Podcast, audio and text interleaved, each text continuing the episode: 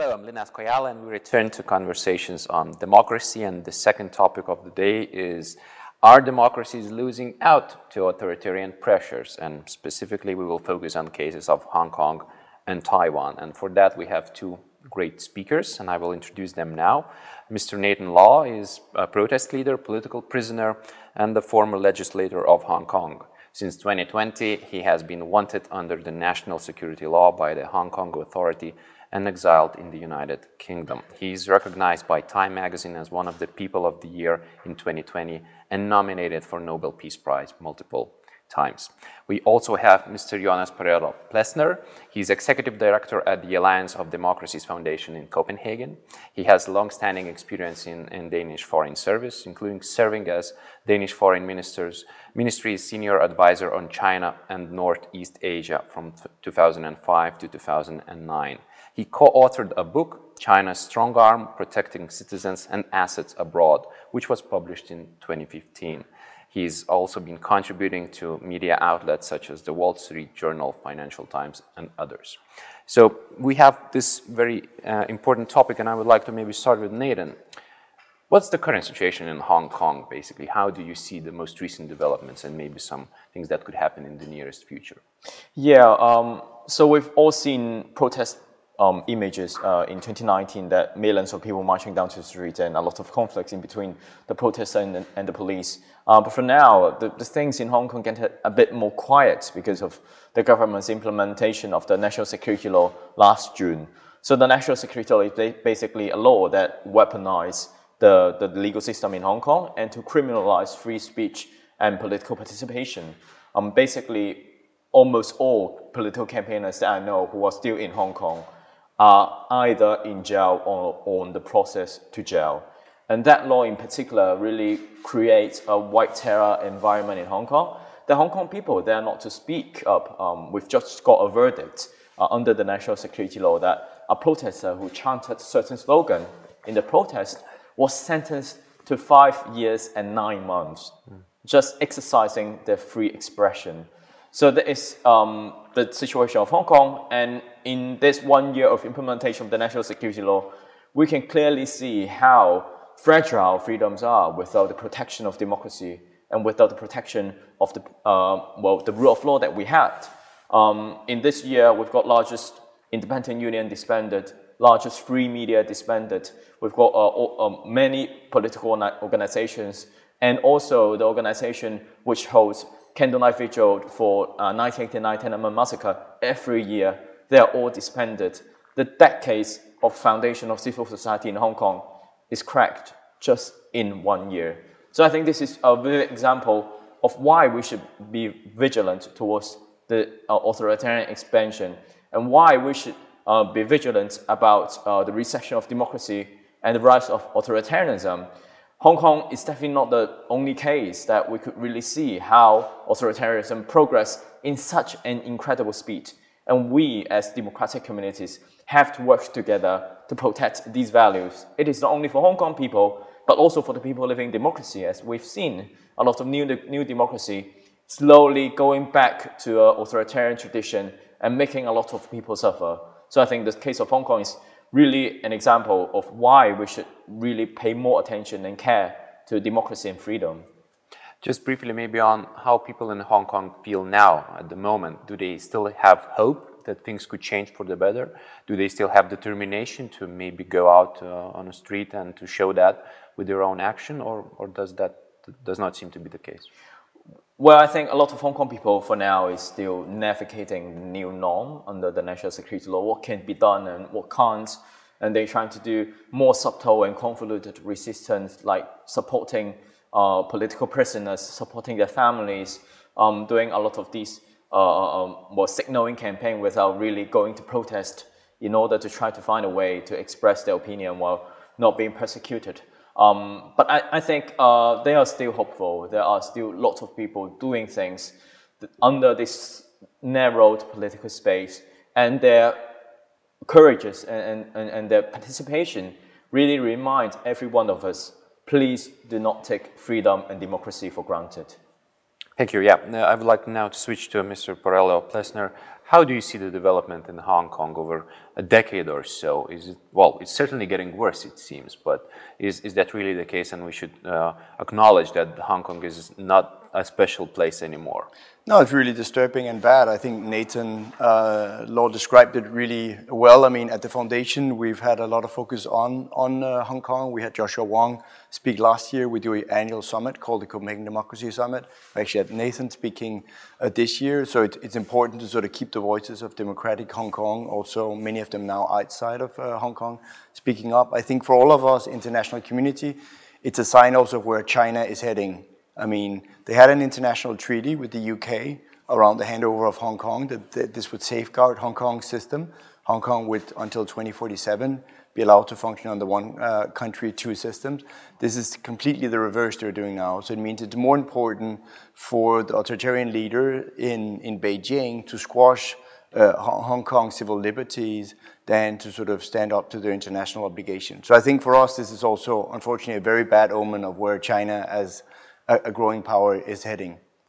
I'd like to now add Taiwan to our discussion. So maybe, uh, Jonas Plesner, could you uh, elaborate on that as well? Are there any similarities between Hong Kong and Taiwan and the trends that are coming into those places, especially taking into account that countries such as Lithuania are more now proactively uh, approaching and discussing ways of engaging with Taiwan, especially as the representation was open? Yeah, well, first of all, let me congratulate uh, Lithuania on that step this week of uh, uh, opening up uh, more relations with the democratic uh, Taiwan. I, I, think that's the, the, the right step. Taiwan functions as a really well and flourishing democracy. We can actually as our established democracy, I think, learn quite a lot from uh, from Taiwan when it comes to handling disinformation, when it comes to uh, sort of popular resilience to uh, authoritarian encroachment. Uh, so all of that, I think, is the right step here by uh, by Lithuania, and I look forward to passing by the office at some point here in my during my time here. And and Taiwan is definitely, I would say, sort of the a cornerstone in, in, in Asia for the defense of uh, freedom and, and, and, liberty, of course, because uh, Beijing claims this as a sort of renegade uh, province that just has to be, by all means, integrated into uh, China at, uh, at some point. And of course, you have the people of Taiwan that, uh, that need their democratic say in whatever future that they would like. Yeah, Nathan, you like that? Well, definitely Taiwan has been a strong democracy in, in Asia and the way that they deal with pandemic has been remarkable. So um, I, I, think in the case of Taiwan, we can clearly see China has been manipulating its political might, uh, a lot of co economic coercion in order to stop Taiwan from participating in international affairs. When it comes to the participation in WHO, it is not about politics, it's about how Taiwan can share its experience in, in terms of effectively curbing the um, the, the, the, pandemic and then bring this knowledge to the world so that we can save lives. And on, on, that, on that particular thing, like China blocks them from contributing to the uh, human humanity as a whole. So we can really see the, the, the, these actions from China, let alone all those military intimidation. And for me, and, and I've been encouraging the world to interact more with Taiwan, to recognize them more in order to equip them with that um, re resilience and, and, and the capacity to go against any military intimidation from um, the Chinese government. Yeah, quite recently, uh, The Economist called Taiwan the most dangerous place on earth. Would you agree with this assessment?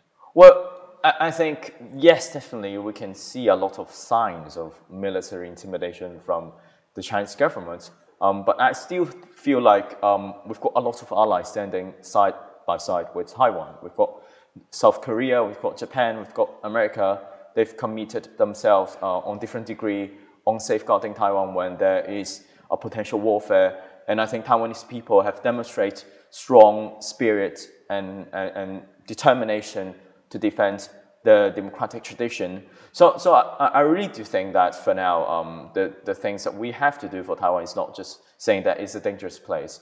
Um, if we stick together, if we issue enough deterrence messages to uh, the Chinese government, it would not be dangerous. It's a safe place to go if we are strong, if we issue strong enough signal to defend this uh, precious democracy that we have. Yeah, Mr. Plesner, is it the most dangerous place? I mean, it's a good newspaper uh, byline. I see that. I like The Economist. But I mean, it's also a great place uh, to be. It's a great uh, democracy, as, as, Nathan also underlined. My own son is actually out there studying Chinese at the moment. Uh, so it's, it's, it's in many ways, it's a flourishing uh, democratic and, and, and, free society. And, and now that Hong Kong is, is in the situation it is, it's really the only place where you have sort of the free Chinese. So I, I think in that sense, all these things are to be cherished about uh, Taiwan as well. But of course, geostrategically, it's, it's more and more in the crosshairs with, with the US and, uh, and, and, China. So, so that, that gives sort of some uh, credit to, to, the new, to the title you mentioned. Is there enough political willingness in Western capitals to engage with Taiwan, to talk about Hong Kong, not to leave those cases behind us?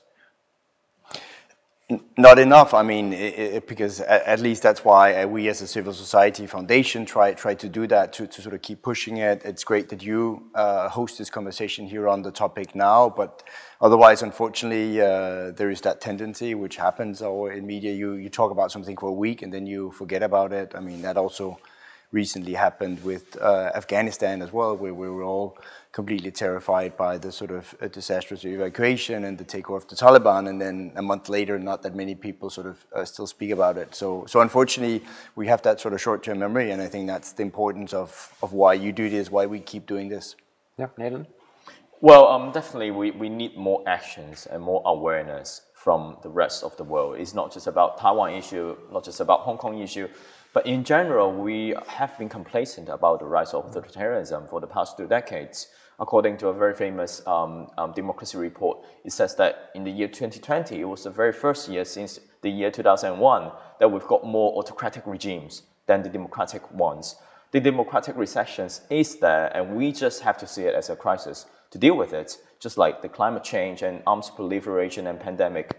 We've, we've not been really rethinking how um, democratic, democratic countries could work together to curb this influence we need a change of perception. We need a global vision, global agenda, global actions to really counter the rise of authoritarianism in order to protect our democracy. Yep. I agree with Nathan, but I also want to sort of be a little bit more optimistic, saying if you look around, there's nobody taking to the streets in Burma, in Hong Kong, Venezuela, elsewhere to demand more autocracy, or in Belarus here next to Lithuania. So I think in that sense, we should also be optimistic, saying that what people really want is still freedom. So in that sense, there's nothing, in my view, fundamentally changed in, in, in human nature. So uh, what we do see, unfortunately, is authoritarian regimes that are much better at clamping down, as, as again here next to, to you with Belarus, of, of uh, uh, both fudging an election and afterwards uh, cutting the, down on the opposition. And so, so you see all these tools being harnessed by authoritarian regimes. But again, I don't think what, what uh, people want, what Nathan wanted for Hong Kong and, and, and your fellow citizens what was a different future. What would be one piece of advice, and I'm asking uh, first of all, Mr. Plesner, to Western governments on how to be more effective in tackling this issue? One piece of advice. What sure. Uh, that would be combining our economic strength, which is really still very great, uh, around 60% of, of the world's GDP. Biden, President Biden will assemble the, the world's democracies in virtually in Washington 9th, 10th of uh, December. That could be a venue for, for gathering more collective action. One idea we put forward is the idea of an economic Article 5 among democracies that could be used sort of to counter uh, authoritarian coercion by so that smaller countries um, that are subjected to, for example, Chinese uh, economic coercion, or it could be Russian through gas, uh, or Belarus through human trafficking, you could sort of uh, join up a little bit similar to the NATO's uh, Article 5 on the military side, but here on the economic side, and basically defend each other, take retaliatory step, make preferential sort of agreements, supply chains among democracies. Great. Nathan, what would you advise? And I'm sure you're doing that quite often in, in multiple uh, occasions. Well, I think the, the idea of uh, economic, like Article 5 is a fantastic idea. I've been advocating for that also. And also, we, we just have to be aware of the, um, the infiltration and disinformation from the uh, authoritarian regime. Um, in our democratic countries, we, we also have to develop mechanism to block their influence from dismantling and discrediting democ democracy in our own system for example, blocking the state enterprise going into our sensitive industry, um, being very strong on the espionage events and looking for um, any uh, foreign agents that is actively promoting the propaganda and misinformation. Um, for democracies, we also have to upscale our awareness and to protect our values from, um, from, our, from, from, from these authoritarian regime abusing our openness and um, doing all these things to dis dismantle our system. Great, lots of homework for our decision makers to do. I would like to thank Nathan Law, Jonas Parello Plesner for participating in this conversation. Thank you. Thank, Thank you, you. Ines.